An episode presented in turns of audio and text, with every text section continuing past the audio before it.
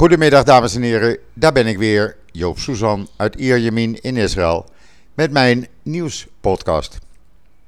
Eerst maar eens even het weer. Uh, ja, moet ik ervan zeggen. Ik noem het gewoon, het is nog steeds 30 graden blauwe lucht, zwak briesje. En uh, ja, daar moeten we het maar mee doen. Uh, het zal de komende tijd alleen nog maar warmer worden. Het zeewater, werd gisteravond gemeld, is inmiddels al 26 graden. Dus spoedig uh, ga je daar niet meer in voor verkoeling. Want zo rond juli is het rond de 30, 32 graden. En dan Israël en het nieuws wat hier gebeurt. Daar was dan gisteravond opeens de baas van de Shin Bet, de Binnenlandse Veiligheidsdienst, Nadaf Argaman. Die uh, waarschuwde, en dat is zeer ongewoon. Ik kan me niet herinneren dat het ooit eerder is gebeurd dat de toenemende opruiing en haatzaaiende uitlatingen, zowel op social media als tijdens de demonstraties eh, voor de huizen van eh, leden van de nieuwe regering, die kunnen leiden tot gewelddadige acties waarbij, uh, ja, hij zegt dan netjes, schade aan anderen worden toegebracht. Hij bedoelt dat er een politieke moord kan plaatsvinden in Israël. Ja, het klinkt hard, maar de situatie is echt heel, heel spannend op dit moment. Je kan geen krant opslaan, je kan geen televisieprogramma uh, aanzetten. Of het gaat er wel over van wanneer vindt de eerste politieke moord plaats. Ik heb dat verleden week ook al gezegd in de podcast samen met Esther Voet voor het NIW. Je kunt hem terugluisteren, hij staat op de website van het NIW. Uh, dat de situatie velen doet denken aan de tijd de dagen, de weken voordat uh, Yitzhak Rabin in 1995 werd vermoord. 4 november 1995. Een zwarte bladzijde in uh, de geschiedenis van de staat Israël. Ook daar was Netanyahu bij betrokken. Weliswaar niet actief, zoals hij dat nu ook doet. Maar toch, hij was leider van de oppositie. Noemde toen ook namen van personen waar tegen gedemonstreerd werd. En dat gebeurt nu weer. En uh, ook zijn zoon is actief daarin. Die uh, is zelfs 24 uur het afgelopen weekend geblokkeerd op Facebook en Instagram. En 12 uur voor Twitter. Als waarschuwing omdat hij een oproep had gedaan met een telefoonnummer en adres te gaan demonstreren voor het huis van een van de Yamina-leden waarvan men denkt dat het mogelijk een overloper zou kunnen zijn. Daar richt men de pijlen op. Er wordt uh, door honderden mensen s'avonds voor huizen gedemonstreerd. Mensen worden achtervolgd uh, met auto's. Uh, er zijn Knessetleden die durven hun kinderen niet meer naar school te sturen. Andere kinderen van Knessetleden zijn uit religieus, religieuze organisaties gezet. Omdat hun vader of moeder betrokken is bij de oprichting van de nieuwe regering. En zo gaat dat maar door. En uh, hij wees de leiders van de, uh, de politici en leiders in de publieke opinie, religieuze figuren erop, dat ze zich duidelijk tegen dit geweld moeten uitspreken. Nou, dat hebben we gemerkt. Eh, een paar leidende uh, rabbijnen kwamen gisteravond met een verklaring waarin ze zeiden dat alles is toegestaan om deze regering tot de nieuwe regering tot stoppen te brengen. Ja, wat betekent dat alles is toegestaan? Nou, volgens hun betekent dat geen geweld. Maar dan had ik andere woorden graag gelezen in plaats van alles is toegestaan. En zo gaat het maar door. En dat is niet meer te stoppen, ben ik bang voor. Steeds meer mensen verkeren onder zware beveiliging. Steeds meer mensen uh, hebben hun telefoon afgesloten. Uh, zijn naar uh, onbekende plekken verhuisd om maar veilig te zijn. Dat is geen leven. En ondertussen blijft Netanyahu en blijven zijn aanhangers doorgaan. De nieuwste stunt die er nu is uh, uitgehaald, of wordt uitgehaald, dat is om de vlaggenparade die op uh, begin mei, op de dag van Jeruzalem, plaatsvond, maar niet door de oude stad van Jeruzalem en de Arabische wijk ging, alsnog komende donderdag door de Damascuspoort naar de oude stad, de Arabische oude stad van Jeruzalem te leiden.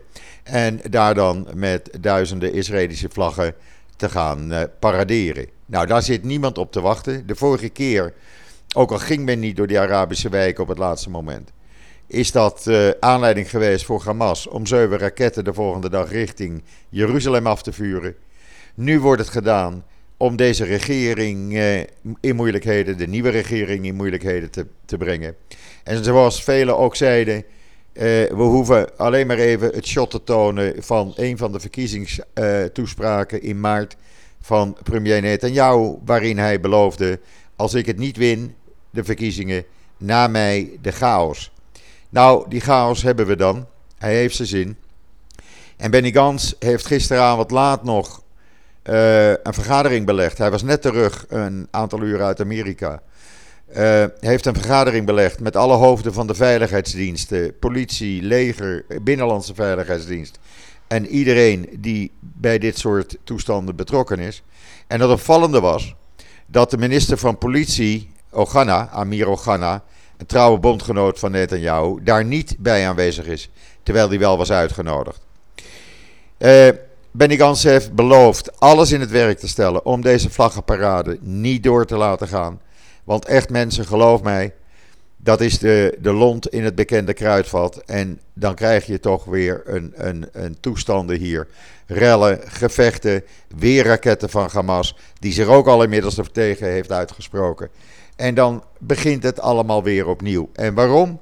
Alleen maar omdat ene meneer Benjamin Netanyahu niet van plan is de macht over te dragen. Want dat is de situatie in Israël. En dan kunt u zeggen van ja, jij bent anti. Nee, ik ben niet anti. Ik leg dat elke keer uit. Tot twee, drie jaar geleden was Netanyahu werkelijk een premier die alles deed voor het land. De economie, de high-tech, de diplomatieke aanzien van Israël. Toen begon uh, uh, het uh, hele verhaal met het strafproces. En het enige waar hij nu mee bezig is, is om te zorgen dat hij niet wordt veroordeeld. Zijn plan is om aan de macht te blijven, daardoor nieuwe rechters en procureurs-generaals te benoemen, waardoor hij verschoond blijft van verdere strafvervolging. Um, hij gaat daarin heel ver, want nogmaals, het land uh, het staat echt onder enorme spanning. Iedereen heeft het erover. Iedereen is bang voor dat er iets gebeurt, iets gewelddadigs. En dan, dan zitten we allemaal met de gebakken peren. En ja, dan, dan valt er weinig meer te doen. Uh, want dan krijg je hier gewoon een soort van burgeroorlog. Ik zie het heel sceptisch in. Ik ben heel negatief gestemd wat dat betreft. Ik ben altijd iemand die positief is. Maar zoals het nu gaat, nee, dat gaat helemaal verkeerd. En ja, de mensen in het land dan. Nou, er is gisteravond een peiling uh, bekendgemaakt op Channel 12. En daaruit blijkt dat uh, eh, 46% van de bevolking, de Israëlische bevolking, geeft de voorkeur aan die nieuwe regeringscoalitie boven een voor de vijfde keer naar de stembus gaan.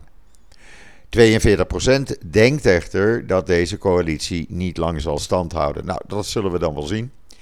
16% gaat er zelfs vanuit dat deze coalitie helemaal niet wordt beëdigd. Nou, daarover het volgende. De voorzitter van de Knesset, Yair Levin, Le, Yair Levin moet ik zeggen, uh, een trouwe vazal van uh, Netanyahu, heeft gezegd als er blijkt dat er een meerderheid in de Knesset is die tegen deze regering gaat stemmen, weet je wat, dan laat ik het woensdag uh, de stemming al plaatsvinden. En als er geen meerderheid is, dan doe ik het op de laatste dag dat ik uh, dat kan doen. En dat is dan maandag over een week, uh, eh, 14 juni. Dat geeft dan Netanyahu nog de tijd om een week te zorgen dat hij wat konijnen nog uit de hoge hoed haalt. Om te zorgen dat deze regering niet aan de macht komt.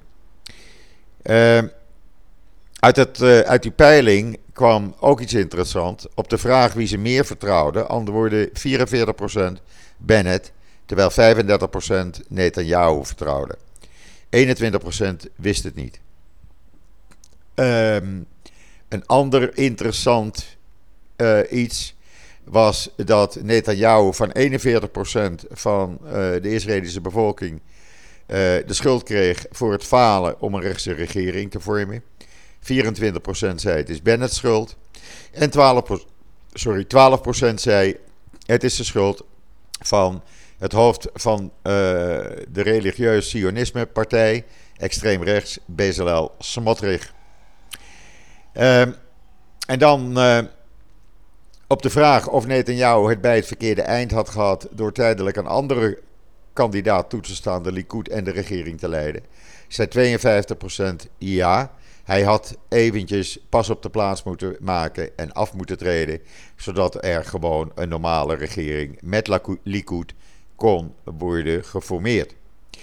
Uh, die kans is hem, uh, of het is hem een aantal keren gevraagd, ook door minister Kas van Financiën. Hij weigerde dat. Uh, Neer Bakat, een Likud-lid, die zijn sporen in de high-tech heeft verdiend, had het ook voorgesteld. Laat mij dan even een jaar de partij leiden. Nee, had net aan jou gezegd, daar beginnen we niet aan. We zullen zien hoe het gaat. Het is nogmaals reuze spannend. Ik blijf u op de hoogte houden hiervan. Ehm, maar er is ook even wat goed nieuws.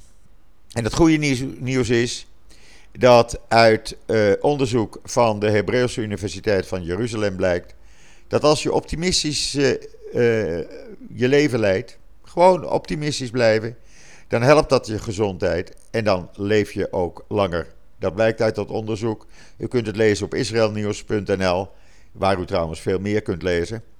Uh, en dat is, ja, het is een interessant onderzoek. Natuurlijk, het was al enigszins bekend.